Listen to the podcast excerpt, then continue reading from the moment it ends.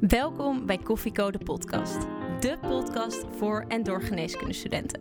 Waarbij wij, gewapend met een kop koffie, voor jou op pad gaan om interviews af te nemen met de leukste, interessantste en meest inspirerende artsen van Nederland. Dit is Koffieco. Hey Ko, ja wat doe je daar? Er staat een carrière voor je klaar. Maar je weet nog niet wat en waar. Een cappuccino maakt het minder zwaar. Dus zet je volumeknop omhoog. Want je luistert Koffieko en je weet het zo. Papa, papa, para, para, para. Vandaag weer een nieuwe aflevering en dus weer een nieuwe gast. Wij zijn Doris Tessa. En Tiara. met vandaag op de koffie dokter Berkelbach van der Sprenkel, neurochirurg in het UMC Utrecht. Dr. Berkenbach, welkom. U heeft net een kop koffie van ons gekregen. Hoe, eh, hoe drinkt u hem? Dank je voor dit welkom. Ik eh, wil allereerst zeggen dat ik het een ontzettend leuk initiatief van jullie vind. Ja, en die koffie, ja.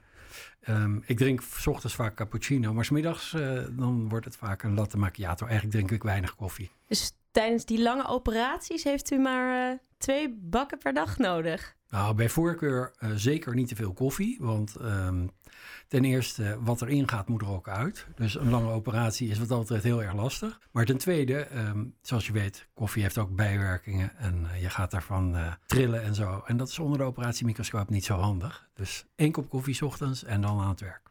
Die lange operaties eh, die u doet, dus moet u wel een vaste hand voor hebben. Heeft u die? Ja, ik heb eh, die vaste hand, die ontwikkel je. Dat, dat, daar word je niet mee geboren. Of tenminste, ja, dat zijn mensen die, die er wel mee geboren worden. Althans, meestal is het andersom. Er zijn mensen die met een tremor worden geboren. Maar dat kan je ook heel goed trainen. En eh, hoe jonger je daarmee begint en hoe, eh, hoe, hoe beter je dat ook, zeg maar, buiten de operatiekamer doet, hoe, hoe meer je daaraan hebt. Maar het is eigenlijk zo dat als je gaat uitvergroten, eh, zoals onder een microscoop, dan ga je eh, een soort vertragen in je bewegingen. Dus als je twee keer zo groot eh, vergroot, of tien keer zo groot, dan gaan jouw bewegingen zich onder de microscoop aanpassen. En je gaat als het ware, schakel je een tweede set motoriek in. Oké, daar gaan we het zo meteen nog uitgebreid over hebben. U bent ook ooit begonnen als co-assistent en als eerste de keuze voor geneeskunde. Hoe kwam u daarbij? Die keuze voor geneeskunde, die is denk ik ontstaan toen ik eh, zo'n 14, 15 jaar was. Ehm, daarvoor wilde ik altijd architect worden. Ik zat altijd huizen te tekenen en verdiepingen. En het huis thuis is wel honderd keer verbouwd op papier. Maar eh, op een gegeven moment heb ik dat eh, losgelaten. En ja, had ik ineens geneeskunde in mijn hoofd. En dat is er nooit meer uitgegaan. En ehm, na die keuze voor geneeskunde bent u eh, dat gaan doen en bent u ook ooit co-assistent geweest. Absoluut. En stond u ook ooit voor de allereerste keer op een operatiekamer. Ja. Was ja. dat ehm, liefde op het eerste gezicht? Nou, dat was bij de algemene heelkunde waar je mee kon kijken. En eh, dat was nog in het oude ziekenhuis. En daar had je zo'n prachtig theater. Ik weet niet of jullie daar wel eens geweest zijn of dat het nog bestaat überhaupt, weet ik ook niet. Maar dat was een theater en eh, dat was een soort ronde operatiekamer. En daar hing een halve verdieping boven, zoals je hier zeg maar ook naar beneden kan kijken, trapgat in. En keek je van bovenaf op die operatie. En eh, dan eh, kon je zien hoe de, hoe de operateur daar te werk ging. Ja, En dat was erg grappig. Want mijn eerste operatie die ik me bewust kan herinneren... was een operatie van de hoogleraar heelkunde. Dat was professor Wittebol. En professor Wittebol was heel erg goed in maagoperaties. Die worden helemaal niet meer gedaan tegenwoordig. Maar het idee van die eh, maagoperaties... om de maagzuurproductie naar beneden te brengen. Omdat ze toen nog geen medicamenteuze behandelingen hadden... voor mensen met maagzweren. Dus er werden hoogselectieve vagotomie werd er gedaan. Er werden de vagestokjes naar de maag doorgenomen. En dat ging op een razend tempo. Dus zo, van bovenaf zag je zo een klemmetje gaan en dan riep hij sis en dan moest de assistent die moest sissen. En eh, dat deed hij met de monopolair en dan als dat eh, goed gecorrigeerd was, dan knipte hij hem door. Maar wat er gebeurde was, eh, hij schoot uit met zijn eh, monopolaire pincet. En, wat is eh, dat? Een monopolaire een mono- pincet? is- dat is waar je mee brandt, zeg maar. Ja. En hij kwam tegen de, de vinger aan van de professor en daar prikte hij blijkbaar doorheen. Of in ieder Ja, geval kwam er een gaatje. Beginnersfout. Dus hij kreeg een opdonder door, het, door de assistent. En die kon meteen inrukken, die kon meteen, die kon meteen vertrekken. En het publiek was aan het lachen. Nou, dat mocht je laten, want je zat in, in die kamer en het was doodse stilte. Dat was niks over te zeggen. Oké. Dus eh, niet per se liefde op het eerste gezicht. Wanneer is die liefde nou echt gekomen voor de neurochirurgie? Oh, dat is eigenlijk heel laat gekomen. Ik had bij ieder kooschap wat ik deed, vond ik het eigenlijk zo leuk en zo spannend. Dat ik dacht van, ah, dat, fuck, dat, dat wil ik gaan doen. Daar, daar, hè. Ik had eerst, uh, omdat ik, mijn vader die werkte bij de FAO. En uh, die zat in, het, uh, in Noord-Afrika en deed ontwikkelingshulp. Dus ik had eerst het idee was dat ik trooparts zou worden. Ja. En nou ja, dat heb ik toen toch op een gegeven moment ook verlaten. Want ja, er waren verschillende kanten aan. Als je eenmaal weg bent geweest, is het moeilijk om terug te komen. En nou, dat zag ik toch uiteindelijk niet zo zitten. Dus uh, dat was de eerste. En uh, toen heb ik nog allerlei andere dingen gezien en zien passeren. Maar pas in mijn laatste jaar eigenlijk is het echt neurochirurgie geworden. Ja, u zegt het al, u bent, u bent neurochirurg. U opereert in het, in het centraal zenuwstelsel. Ja. Kunt u kort even uitleggen wat het nou is, neurochirurgie? Nou, in feite is neurochirurgie een vak waarbij je ten eerste operaties doet. Maar er zijn ook andere aspecten aan het vak die niet zoveel met opereren te maken hebben, die eigenlijk wel bij het specialisme horen. Maar het gaat om behandelingen van het centrale zenuwstelsel en het perifere zenuwstelsel. Dus die twee dingen samen, die maken dat je eigenlijk op uh, heel veel plekken in het, uh, in het lichaam uh, opereert, soms. Maar het meeste wat we doen, en wat ik nu in ieder geval ook het meeste doe, zijn operaties in het hoofd. Ja, dus in het gebied van de hersenen. In het gebied van de hersenen en de hersenstam en soms ook het ruggenmerg. U bent dus wel gesubspecialiseerd. Dat is eigenlijk wel iets wat, ja, wat ook ja. wel een beetje bij de neurochirurgie hoort. En voor u is dat dus vooral de hersenen en niet zozeer het ruggenmerg. Nou, kijk, de, de, de, dat vak, dat, ik ben begonnen als algemeen neurochirurg en deden we eigenlijk uh, zo, zoveel als we konden. Maar het is super ingewikkeld en het is ook eigenlijk geleidelijk aan zo gegroeid dat je die superspecialisten echt nodig hebt. Want je hebt gewoon veel ervaring nodig om om goed te kunnen opereren. En dan kan je je beter beperken. Voordat we dieper op uw vak ingaan, willen wij heel graag weten waarom neurochirurgie nou het allermooiste vak is van al die specialismen die er zijn. Wilt u dat voor ons pitchen in de specialistenpitch? De specialistenpitch. 30 seconden waarin jij de geneeskundestudenten ervan overtuigt om voor jouw specialisme te kiezen. Als je houdt van een uitdaging en uh, niet terug, terugdeinst voor lange operaties je vindt de hersenen interessant, je vindt denken interessant en uh, je houdt van de neurologie en vooral ook de neuroanatomie, dan is neurochirurgie een prachtig vak om uit te oefenen, waarbij je echt iets betekent voor mensen en waarbij je ook echt het verschil kunt maken. Maar makkelijk is het niet, dat moet je wel heel goed realiseren. En het is zeker ook niet makkelijk om in opleiding te komen, domweg omdat er maar zo weinig opleidingsplaatsen zijn. Maar toch is het het mooiste wat er is. Het is het mooiste wat er is. Nou, perfect binnen de tijd. Sterker nog, wel nog wat tijd over. Ga ik meteen even inhaken op wat u net zei. Het is ontzettend moeilijk om, om neurochirurg te worden. We hebben ons laten vertellen dat er één plek per opleidingscentrum per jaar is. Je moet wel een beetje gek zijn. Wil je al je alles daarop inzetten? Waar selecteren jullie op? Ja, dat is eigenlijk op, um, op enthousiasme, op kwaliteit op ergens een passie voor hebben. Dat zijn de dingen die echt belangrijk zijn. Als je merkt dat iemand gepassioneerd is voor de neurowetenschappen of uh, mijn part heeft hij een totaal andere passie. Maar het is vaak heel belangrijk om te zien dat iemand ergens helemaal voor kan gaan. En dat is ontzettend leuk. En als dat enthousiasme er is, dan zijn we ook nog heel kritisch. Maar, uh, want die weg is heel ingewikkeld. Maar wij hebben als, uh, als selectiemethode dat we de mensen eigenlijk allemaal eh, of de mensen die het willen, aanbieden om een jaar bij ons te komen werken. En dan kunnen ze ten eerste zelf heel goed kijken wat ze van dat vak vinden. Want het is heel moeilijk om te beoordelen wat een vak inhoudt als je er zo ver van afstaat. En als co-assistent sta je daar vrij ver vanaf. Bovendien is het zo dat een heleboel co-assistenten daar helemaal nooit mee in aanraking komen. Nee. Dus um, wat wij doen is we, we selecteren op wat je gedaan hebt, maar ook hoe enthousiast je bent. Dat kan sport zijn, dat kan iets totaal anders zijn. Hè, dat kan iets technisch zijn, want het is natuurlijk een snijvlak van um, ja, enthousiasme voor het opereren en voor het behandelen. Uh, communicatie met patiënten, maar ook een heleboel techniek komt erbij kijken en technische ontwikkeling. En als je wetenschappelijk interesse ook hebt in het vak, dan kan je het vak verder brengen. En ik denk als je dat laat zien, dat dat hele belangrijke ingrediënten zijn waar, ja. waar wij voor kiezen. En die ene persoon, uit hoeveel uh, kandidaten wordt die gekozen? Hoeveel brieven krijgen jullie nou bij de neurochirurgie? Nou, iedereen weet dat het, uh, dat het lastig is. Dus ja. we krijgen wel veel brieven en we maken een soort voorselectie van mensen die we een jaar uitnodigen om te komen werken. En eh, ja, hoeveel brieven krijg je? je? Je krijgt misschien wel 50 brieven per jaar. Dat is helemaal niet eens zo erg veel. Maar daar selecteer je uit, want je hebt ongeveer vier plaatsen als plekken. En van die vier, als je geluk hebt, is het dan zo dat er één bij is die echt uh, bovenuit springt. En hoe houden jullie de sfeer onder die Anielsen dan goed als de competitie zo hoog is? Nou, dat vinden we echt een selectiecriterium om ervoor te zorgen dat iemand die bij ons komt werken, dat die in de groep past. Ja. En uh, dat, daar vragen we ook de, de, assistenten bij om mee te selecteren.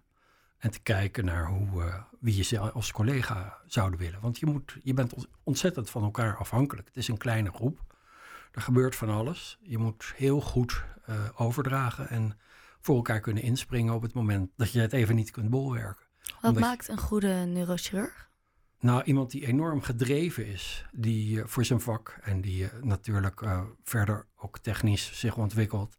Maar die gedrevenheid is wel extreem belangrijk. Moet je handig zijn? Zeker, ja, de handigheid is belangrijk. Kan je dat niet leren? Alles kan je leren. mijn opleider heelkunde vroeger, die zei altijd, je kan een aap leren opereren. Maar opereren is niet het enige wat je doet. Het belangrijkste van, van goed opereren en iets betekenen voor patiënten is dat je heel goed selecteert welke patiënten je wel en welke je niet opereert. Dat je het alleen maar doet als je denkt dat de mensen ook echt wat mee opschiet. Nou, dat lijkt me wel heel lastig aan uw vak. Je bent eigenlijk, als ik het zo mag zeggen, soms toch een beetje voor God aan het spelen. Van jou kan ik wel nog helpen, jou niet. Want u heeft, met heel, u heeft ontzettend veel verantwoordelijkheid. U opereert in het, in het systeem wat ons maakt tot wie we zijn. Hoe gaat u om met die verantwoordelijkheid? Nou, dat is echt iets wat je moet leren dat, dat was vroeger natuurlijk wel een veelgehoorde kreet, dat je voor God speelt. Maar tegenwoordig praat God ook met de mensen. En kunnen ze ook terugpraten. En dat betekent ook dat je samen die beslissing neemt. Maar dat kan alleen maar als je dat heel goed geïnformeerd doet. Maar het is natuurlijk verschrikkelijk moeilijk. En het blijft verschrikkelijk moeilijk om uit te leggen aan iemand die verder helemaal gezond is als hij voor je zit. Wat het voor hem betekent als hij bepaalde uitval krijgt door een operatie. Of als er iets fout gaat. Dat is bijna niet uit te leggen. Je kan aan een gezond iemand bijna niet uitleggen wat het is om het gevoel te hebben wat je hebt als je een halfzijdige verlamming hebt na een operatie. Dat is zo moeilijk. Dat, daar kan je nog keer, tien keer kan je van tevoren goed uitleggen dat er risico's zijn. Maar wat de impact daarvan voor iemands leven is, dat is buitengewoon moeilijk. Dat kan je mensen ook niet uitleggen bijna. En hoe vaak ziet u dat nou, dat er zo'n complicatie optreedt? Nou, gelukkig is dat steeds minder geworden in de loop van de jaren. Maar je moet je voorstellen, in de tijd dat ik begon met mijn opleiding aan de Katrijnen Singel was dat nog. Toen hadden we nog geen aparte neuro-intensive care. Dus toen kwamen de mensen na hun operaties kwamen ze op een medium care terecht, waar ze soms uh, wel beademd werden, maar dan konden ze eigenlijk niet beademd worden. En in die tijd ging 50% van de mensen die aan hun kleine hersenen werden geopereerd, die ging dood na de operatie. Door zwelling, door allerlei complicaties na de operatie, die we tegenwoordig heel makkelijk kunnen opvangen. En het gebeurt bijna nooit meer dat iemand puur door een operatie doodgaat. Tenzij de situatie van tevoren al zo slecht is. U vertelde mij net dat u al 25 jaar in het vak zit. Bent u nog wel eens zenuwachtig? Zeker ben ik, uh, ben ik nog wel eens zenuwachtig. Ik ben altijd heel erg geconcentreerd voor operaties. En mijn assistenten die weten dat ook. Die, uh, die, die, Kijk, sommige mensen die zijn heel uh, druk of die luisteren naar muziek.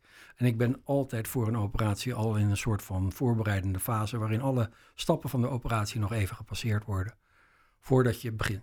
Dus dat is uw ritueel, de stappen nog even doornemen? Ja, eigenlijk wel. Want als je alles van tevoren probeert te bedenken, dat kan natuurlijk nooit. Maar als je alle moeilijke stappen in een operatie nog even bedenkt... en je denkt daar ook bij van wat kan er fout gaan en hoe los ik dit op dan, ben je, dan bereid je jezelf op de beste manier voor die je kunt. En dan kan er nog van alles gebeuren wat je niet verwachtte. Ja, want dat vroeg ik me ook af. Eh, moet u vaak ook nog improviseren? Jullie kijken naar de scans van tevoren, jullie maken een plan.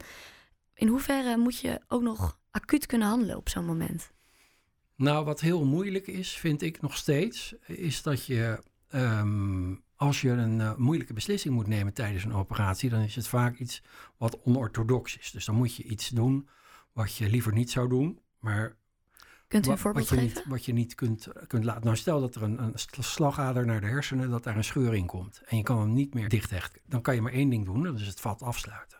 Als je dat doet, dan, ehm, dan weet je dat de directe consequentie daar vaak van is dat iemand eh, wakker wordt met een verlamming of met ernstige uitval of misschien het wel helemaal niet eens overleeft. Dus dat zijn hele moeilijke beslissingen om te nemen. En dan is het moeilijk om, en belangrijk ook om daar even heel goed over na te denken van hoe je dat doet. En als je daar van tevoren over nagedacht hebt, dan kan je er beter mee omgaan. En naarmate je meer ervaring hebt, kan dat ook.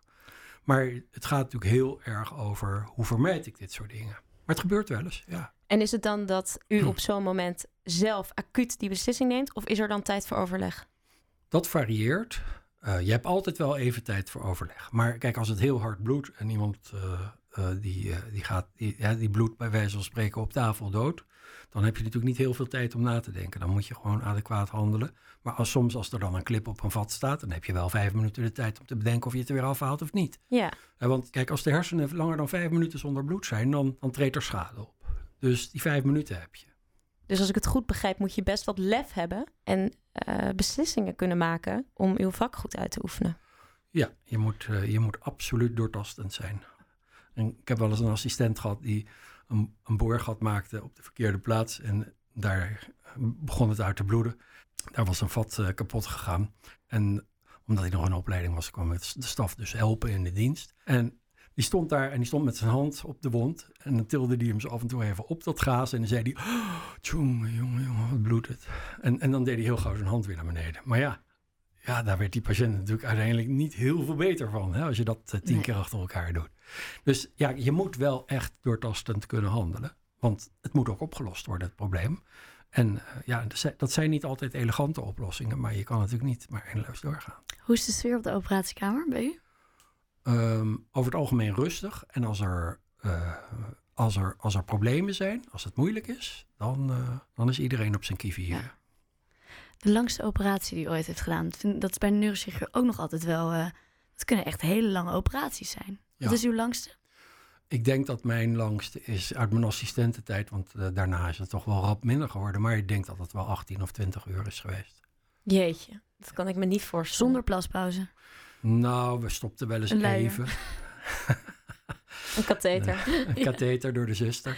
Nee, dat, uh, dat werd vroeger wel gedaan. Daar, uh, maar dat zijn dingen die op de OK niet meer gebeuren. Maar hadden ze vroeger een luier aan tijdens Nee, nee, nee. Maar dan, dan, dan presteerden ze het wel om de zuster een fles te laten halen. Oh Ja. ja. Dat gebeurt Maar niet dat meer. gebeurt. Zijn er verplichte pauzes tijdens een operatie? Nee, er zijn geen verplichte pauzes. Maar nou, kijk, in die zin, daar kan je op verschillende manieren naar kijken. Het is heel verstandig op het moment dat je soms niet weet hoe je verder moet, dat je gewoon even pauze neemt, even wegloopt, even nadenkt, even iets drinkt of zo. En dat je dan pas je beslissing neemt en verder gaat. En weer terugkomt met een nieuwe blik. Dat kan. En soms kan je even overleggen of eh, kan je er even met iemand over praten. Of even met de anesthesist overleggen van, eh, joh, wat zullen we hier doen? En eh, wat kunnen jullie nog? Wat kunnen wij nog? Je maakt soms moeilijke dingen mee waarbij je niet precies weet hoe je dat moet oplossen. En dan is het heel goed om even na te denken. En tweede is dat we heel vaak even een pauze inlassen vlak voordat we dicht gaan maken. Want we willen natuurlijk nooit een nabloeding hebben. Dus wat we dan doen, vragen we aan de anesthesist om de bloeddruk wat te laten oplopen zodat alle kleine vaatjes die eventueel nog staan te bloeden, dat die ook zichtbaar worden. En dan eh, nemen we even een koffiepauze van een half uurtje. We hebben het nu vooral over operaties gehad. Maar hoe ziet de dag van een neurochirurg eruit? Want jullie doen ook nog andere dingen. Ja, absoluut. Opereren neemt natuurlijk heel veel van je tijd. Uh, daarnaast ben ik opleider, dus dat neemt ook uh, minstens één dag per week dat je al die dingen moet regelen. Uh, verder heb je polykliniek, meestal een halve dag per week, waarin je patiënten natuurlijk ziet.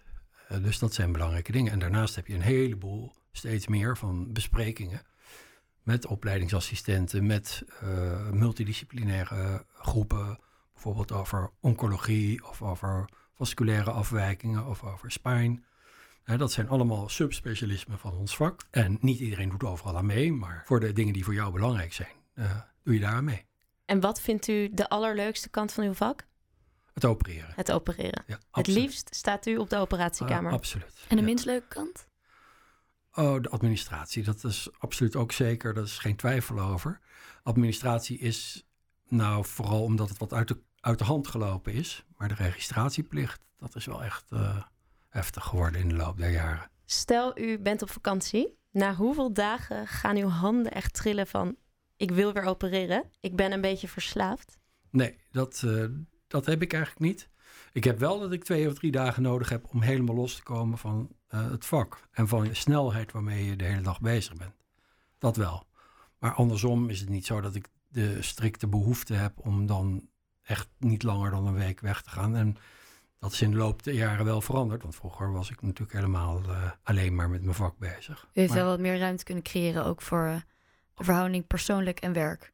Ja, ja, vroeger was dat wel lastig. Als je jong bent, dan moet je natuurlijk een heleboel doen, een heleboel leren. En ik kom nog uit de tijd dat, uh, dat we echt weken draaiden van, van 80 uur of zo. Dan laat weinig ruimte over voor, voor andere dingen. En dan in ieder geval daar um, gaat de co-telefoon. In onze podcast houdt dat in dat uh, de luisteraar ons een vraag heeft ingestuurd. Nou, waar, uh, waar diegene benieuwd naar was. En uh, vandaag, even kijken waar die staat. Een luisteraar vraagt zich af: Heeft u het wel eens zwaar gevonden? Zo zwaar dat u dacht: Ik wil stoppen met mijn vak? Nee, dat geloof ik niet. Dat ik wel. om die reden zou ik niet stoppen met mijn vak. Maar het is wel al zwaar. Het is soms heel zwaar en het is soms emotioneel zwaar. Je neemt het mee naar huis. Vooral de dingen die niet goed gaan. Dingen die goed gaan, eigenlijk vergeet je die vrij snel. Maar de dingen die niet goed gaan, dat neem je mee naar huis en daar, uh, daar blijf je over nadenken. En ook altijd op een manier dat je denkt van wat had ik hier nou anders kunnen doen om het beter te laten verlopen en hoe kan ik dit de volgende keer voorkomen. Kunt u ons misschien meenemen in een casus die u is bijgebleven? Ja, er zijn, er zijn natuurlijk een aantal dingen uh, die, uh, die je heel erg bijblijven. Uh, een van de dingen die me erg bijgebleven is, is een van mijn allereerste patiënten toen ik uh, maar net in opleiding was. En dat was een jonge vrouw die van jullie leeftijd was, zeg maar. En in het trappenhuis van haar studentenflat gevonden werd in een wat wazige toestand. En dat bleek te berusten op een, uh, ze dachten, psychiatrische stoornis. Maar toen ze goed wel in het ziekenhuis was, vonden we het toch zo raar dat we snel een scan gingen maken. Toen bleek ze een forse hydrocephalus te hebben met een tumor in de derde ventrikel. En terwijl ze op de CT-scan was, klemde ze in. Dan kreeg ze wijde lichtstijve pupillen en raakte ze comateus. Dus we hadden echt helemaal geen tijd. En nou, ik was in het allereerste begin van mijn opleiding en moest toen een boorgat maken en een drain plaatsen. Want er was geen tijd voor dat de staflid wat dienst had nog in huis zou komen. Dus dat zal ik nooit vergeten. En ging dat goed? Dat ging goed. Op zich ging het goed. Zij heeft geweldige uh, schade opgelopen door die hoge druk die lang bestaan heeft en daarna nog door de tumoroperatie die er moest volgen. Maar ze is wel helemaal goed opgeknapt. Ja. Uiteindelijk, maar dat duurt dan soms wel zes maanden tot een jaar. Ja. Heeft u dan nog contact met, met zo iemand? Nee, nee, nee, dat is echt dat, dat, dat zo gaat lang wel geleden. Dat Ja. Maar wel, wel later dat de familie terug is gekomen en zo. En, uh, dat, uh, dat wel. Heeft u überhaupt wel eens contact met een patiënt nadien? Nou, Ja. in principe bijna nooit. Maar ik zal één patiënt zal ik echt nooit vergeten. En dat is een, een, een patiënt die uit uh, Afrika kwam. En die was gevonden door mensen die zendingswerk deden. En die bouwden scholen in, in Midden-Afrika. En uh, die hadden dat meisje op een gegeven moment zien zitten in haar hutje. En die was echt verschrikkelijk beschadigd. Die had namelijk een bottumor die achter haar oog zat. En Daardoor stond haar oog heel erg raar uh, buiten de normale oogkast. Dat hing als het ware helemaal naar beneden. En ze zag er echt verschrikkelijk eng uit. En letterlijk had zij dus het boze oog over zich uitgesproken gekregen. Zij mocht niet meer uit haar hut komen, daar in die stam. Want ze werd gewoon... Ze zou doodgemaakt worden als ze, als ze zich zou vertonen. Want zou ze het boze oog vertegenwoordigen. En heeft u Wow. haar gezien toen? En toen hebben wij haar in Nederland geopereerd. En hebben we dat oog weer op zijn plek gezet. Het was natuurlijk blind, maar dat kon toen. Want we hadden toen navigatietechnieken. Daar heb je vast wel eens wat van gehoord. Dat je heel precies iets kunt maken. Dus wat we gedaan hebben, is we hebben een plannetje gemaakt... waarbij we de oogkas van de ene kant gespiegeld hebben op de andere kant. En die vorm hebben uitgeboord in de tumor die ze had. Zodat het oog er weer in paste. Kijk, En uh, op de dag dat ze terugging... toen uh, had ze ook een longembolie gehad na de operatie. En toen ze terugging, toen... Uh, ja, toen, toen is ze weggelopen. Ze kwam uit uh, Midden-Afrika en uh, ze, ze liepen weg. Uh, de, al die mensen die voor haar gezorgd hadden, die hadden haar vliegticket gekocht en die hadden alles voor haar geregeld. En toen liep ze weg. Ze liep weg. Ja, ze liep weg en achteraf is ze, naar, is ze is nog één keer contact geweest, telefonisch, met die familie die alles voor haar gedaan hadden. En bleek ze naar België te zijn vertrokken. En uh, bleek ook dat het een, uh, een plan van de familie was dat ze geld ging verdienen in Europa als ze geopereerd was. ik zie dat, dat u best wel raakt. Doet iets met u. Hoe komt dat? Tja, dat is zoiets iets heftigs. Wat, ik vond dat zo bijzonder in die zin. Waarom het me zo aangrijpt is omdat Je probeert iets te doen voor iemand met een bepaald idee. En dat idee strookt niet met wat er voor die mensen belangrijk is. En dat heeft me zo de ogen geopend van... ik ben niet met iets moois bezig, ik doe iets technisch heel knap. Maar daar hebben zij helemaal niks aan. Dat, dat is niet wat ze, wat ze nodig hebben. Wat ze nodig hebben is bij wijze van spreken... ja, brood op de plank voor de familie. Dat, dat blijkt belangrijker te zijn. En dat is zo'n... Nou, het is echt jaren geleden, maar dat is nog steeds... Dat maakt echt een diepe indruk. Ik vind het echt een heel bijzonder verhaal. Heeft dat u veranderd als neurochirurg? Was dat een, was dat Nou. een keerpunt op een bepaalde Nee, manier? het is niet, niet een keerpunt. Maar goed, kijk, zo maak je van alles mee. Ja. Eh, maar soms, bij, som, som- bij sommige mensen raak je enorm betrokken. Kijk, bij haar hebben we echt met die mensen een heel plan gemaakt. Ze moest het hele land doorreizen om ergens in de hoofdstad een CT-scan te laten maken. Want nergens anders was een scan. Dus voordat we überhaupt wisten wat er aan de hand was, er gingen al maanden overheen. Toen kwam ze naar Nederland. En nou, het was echt heel bijzonder. Dat is heel bijzonder. En heel mooi verhaal erbij is ook dat ze naar Nederland kwam. En dat ze bij die mensen ging logeren, want daar werd ze gewoon opgenomen. En weet je wat ze nou het mooiste vond daar? Nou. In dat gezin, om daar opgenomen te Nou? worden? Nou, dat, dat kan je niet raden. Ze, ze vond de douche, dat vond ze het allermooiste. Ze ging de hele dag onder de douche staan. Geweldig, hè? U bent ja. echt heel nauw betrokken geweest bij deze patiënt. Ja, zeker, ja. Absoluut. U bent niet de chirurg die ver van de patiënt afstaat, zoals sommige mensen dat als stereotype zien. Mm, Dat is in sommige gevallen wel zo, Ja. in sommige gevallen minder. Maar bij de een ben je meer betrokken dan bij de ander. Maar dit zijn wel heftige dingen. Is er een stereotype neurochirurg? Nee, dat denk ik niet. Ze zijn allemaal anders. Eh, ze zijn allemaal hele gedreven mensen, allemaal op hun eigen manier. De een pakt het zo op, de ander pakt het zo op. Ehm, maar je hebt een hoop verschillende mensen, maar dat is overal zo. Ik zou het liefst nog honderd patiëntverhalen van u horen, maar u bent ook opleider. En dat Ja. is ook een deel van uw vak. Waarom vindt u dat belangrijk? Nou, ik vind het heel belangrijk dat, dat eh, de assistenten leren van de kennis die andere mensen hebben vergaard in hun carrière. Wat vroeger zo was, is dat je. Ons vak is natuurlijk vrij jong, dus je moest leren uit schade en schande. Zo ben ik begonnen. En vroeger ja, werd je gewoon, als je het een paar keer gezien had, dan werd je op de OK neergezet en dan gaat het maar zelf doen. En die stappen maken met de assistenten, ook omdat de uren natuurlijk veel minder zijn dan vroeger. Hoeveel zijn die uren tegenwoordig? U had het net over Nou, 80 uur achter- vroeger. en nu? 48 uur mogen ze. Dat is gewoon de reguliere tijd die iedereen mag werken die in opleiding is.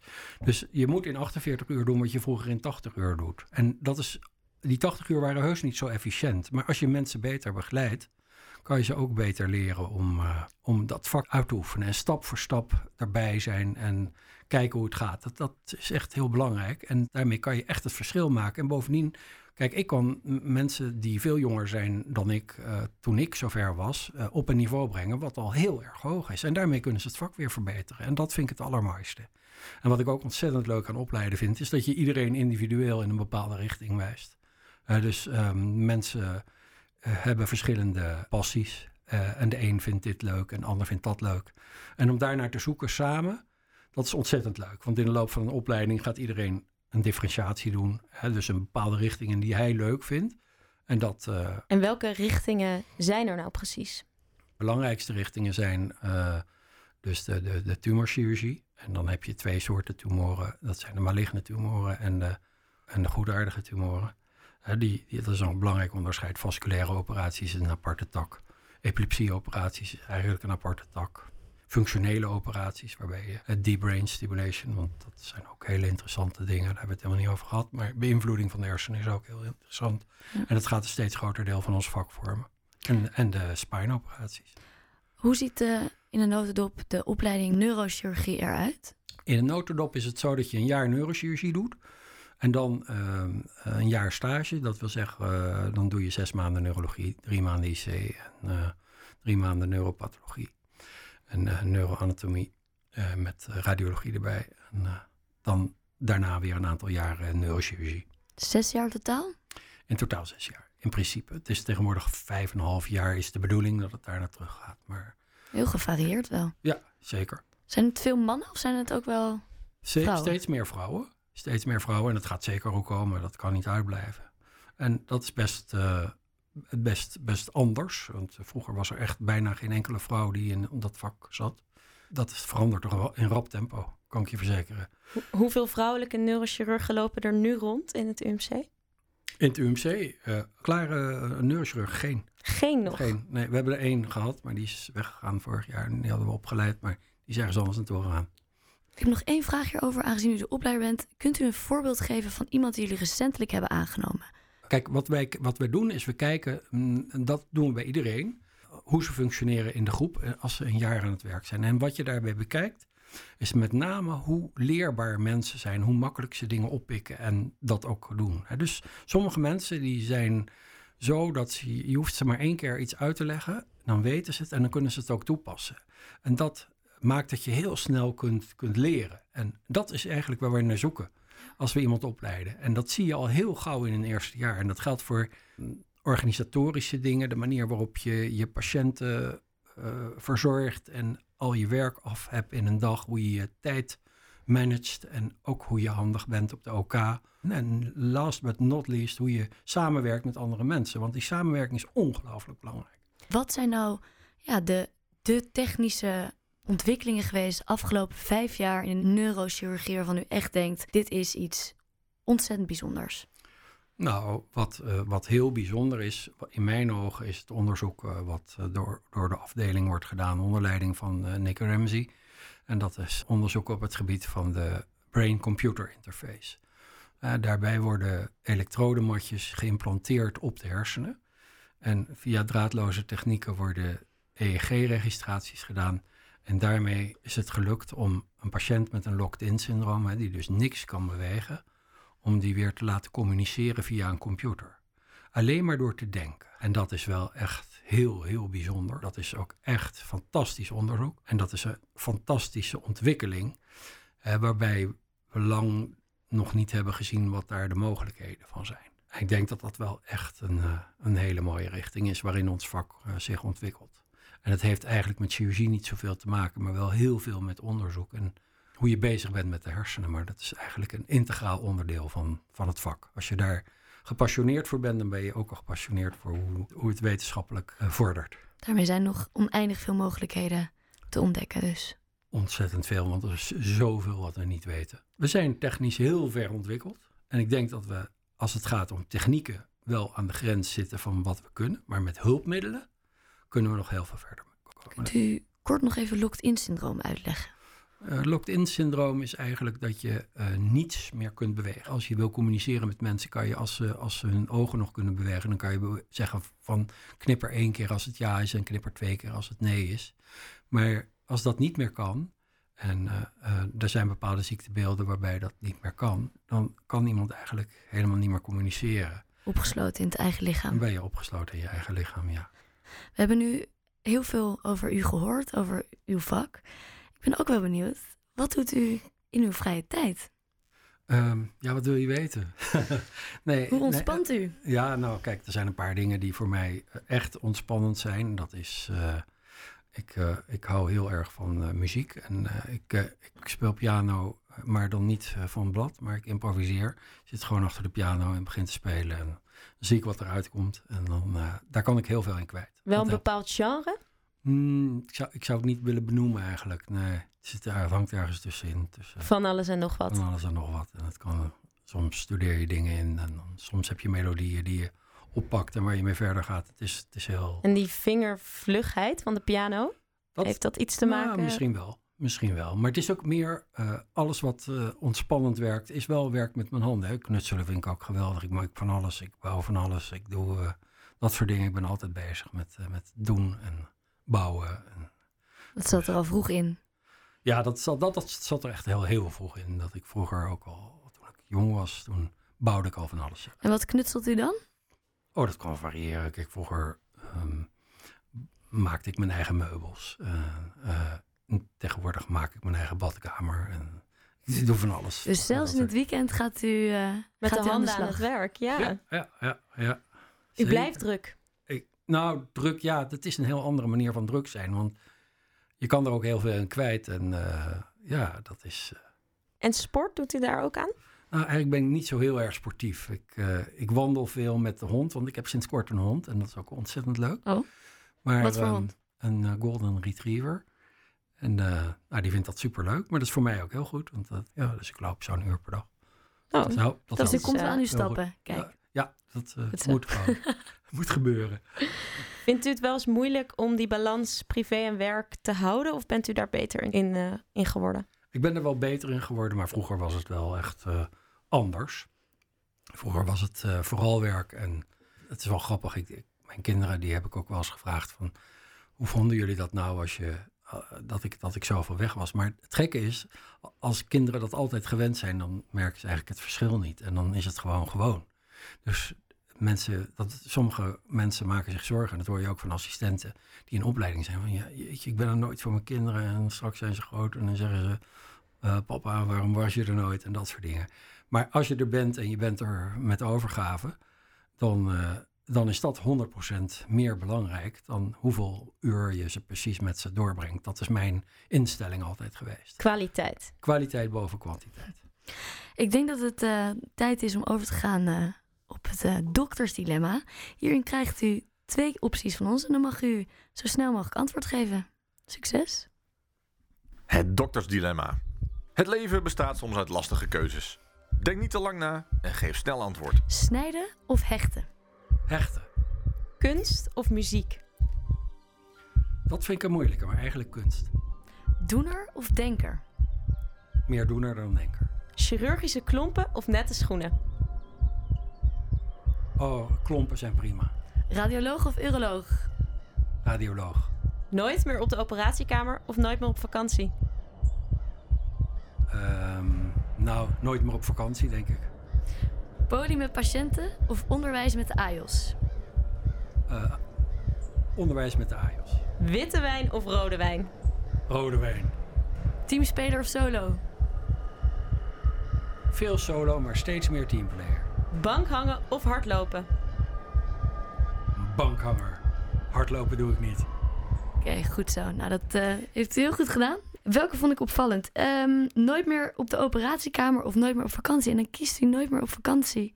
Ja, ik denk gewoon, kijk, ik ben uh, uh, in de 60, dus het zou heel raar zijn als ik geen afscheid kan nemen van mijn vak. En dat is wel iets waar je naartoe moet groeien. Want als je ouder wordt, is met name de diensten zijn heel zwaar in je vak. Dat doe ik nu niet meer, dus ik heb gewoon toch wel iets meer tijd. En, maar ik, ik, ben verknocht aan Italië, dus... Gaat u, uh, als u met pensioen bent... dat zou zomaar kunnen. Naar Italië? Dat zou zomaar kunnen. En um, snijden of hechten, dat was ook duidelijk volgens mij. Nou kijk, je kan overal een mes inzetten, maar het is ongelooflijk belangrijk en een zwaar onderschat onderdeel van het vak dat je ook uh, de wonden netjes sluit. Want een van de grootste problemen met wonden die niet goed gesloten zijn, is dat je complicaties krijgt van die wond. En dat is volstrekt overbodig. Maar dat is gewoon nog te weinig aandacht voor. Ja. En de mes vasthouden en iets insnijden, dat kan iedereen. Goed. Um, ik heb uh, nog, nog één vraag voor u. Ik wil graag nog weten hoe u erover denkt um, dat er bij de AIOS toch wel veel burn-out zijn. Ja, weet je, kijk, ik, ik denk, uh, dat weet ik niet waar dat precies door komt. Maar kijk, als je goed kijkt naar waar je eigen passie ligt en dat je die volgt, is extreem belangrijk. Als je dat niet doet en je voelt het als verplichting bijvoorbeeld om, uh, om, om te promoveren, om, om in opleiding te komen of zoiets dergelijks. En het is eigenlijk niet je ding, maar je vindt dat je het moet doen omdat je anders denkt dat je die opleiding niet krijgt. Dat zijn al paden die je ingaat, die, uh, die kloppen niet in sommige gevallen. En dan als je dingen gaat doen die ten koste van jezelf gaan, omdat je denkt dat het moet, um, dan, dan ga je een verkeerde weg in. En ik denk dat het heel erg moeilijk is tegenwoordig voor iedereen om keuzes te maken, want er is zoveel te kiezen. Maar het belangrijkste is eigenlijk van je moet, moet gewoon echt doen wat je leuk vindt. En als je daar, dat is heel belangrijk om daar extra tijd voor te nemen, om daar naar te kijken. Ik wil toch nog heel even ingaan op dat u zegt, je moet niet willen promoveren als je dat niet leuk vindt.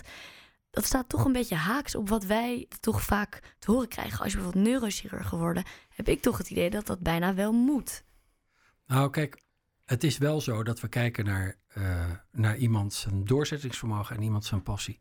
En als je daarin ook het vak opneemt en je doet daar wat mee, dan, dan, dan is dat zeker een pre. En we kijken er zeker naar. We kijken naar iemand zijn curriculum, maar het is niet het enige waar we naar kijken. Als iemand een enorme indrukwekkende sportcarrière uh, achter de rug heeft, dan zegt dat ook iets over doorzettingsvermogen. Dus dat is wel echt, uh, dat, zijn, dat zijn meerdere factoren. Maar ja, kijk, ik ben wel van mening dat de vernieuwing en de, de we zijn een klein vak, hè, de neurochirurgie, maar de vernieuwing die moet komen van de jonge mensen. En uh, het is ontzettend leuk voor het vak en belangrijk voor het vak dat daar vernieuwing in plaatsvindt. En die vernieuwing die komt door onderzoek en die komt door onderzoek van jonge mensen die, uh, die opgeleid worden. En dat is, dat is het mooiste. En dan gaan ze vaak naar het buitenland om daar iets te leren. En als ze daar dan weer iets van mee terugnemen, dan is dat mooi meegenomen. is dat mooi meegenomen voor ons vak en de ontwikkeling hier in Nederland. Dan eindigen we eigenlijk altijd met de laatste tip. Dokter Berkelbach, wat wilt u meegeven aan de toekomstige dokter? Nou, wat ik, wat ik al gezegd heb en wat denk ik als rode draad door, uh, door dit verhaal ook speelt, is dat iemand moet zijn, zijn passie volgen. En als die passie in de richting van de neurochirurgie of van welk vak dan ook loopt, dan is dat een enorme belangrijke leidraad om te doen wat je leuk vindt. Maar het is ook heel belangrijk dat je, en dat heb ik zelf ook gemerkt in mijn uh, carrière, dat je een mentor vindt die bij je aansluit. Als je goed contact hebt met degene die je opleidt, dan maakt dat dat je, uh, ja, dat, dat, dat is iets heel bijzonders. Die band die je met zo iemand ontwikkelt. En dat is voor mij in mijn ontwikkeling als neurochirurg eigenlijk misschien nog wel belangrijker geweest dan dat ik nou zo precies wist van tevoren van ik ga neurochirurgie doen omdat. Nee, ik had een mentor daar en daar deed ik onderzoek mee en dat vond ik zo fantastisch. Dat heeft me mede uh, uh, geholpen om die keuze te maken. Dus dat wil ik meegeven. Hele mooie tip. We moeten, we moeten echt gaan afronden. Dokter Berkenbach, hartelijk dank voor uw komst. De eerste chirurg bij Koffico. U heeft uh, een heel mooi beeld geschetst van de neurochirurgie. Ontzettend leerzaam om u zo over uw vak te horen praten. Ik sluit me daarbij aan. En beste luisteraars, bedankt voor het luisteren. En mis de volgende aflevering niet. Volgende week hebben we weer een hele leuke andere specialist te gast. En hopelijk hebben jullie hiervan genoten. Volg ons op Instagram, Podcast en op Facebook. En blijf zo op de hoogte van de aankomende interviews. Deze podcast werd mede mogelijk gemaakt door Universiteit Utrecht, Hogeschool Utrecht, Opleiding Journalistiek, UMC Utrecht en Utrechts Universiteitsfonds STUF.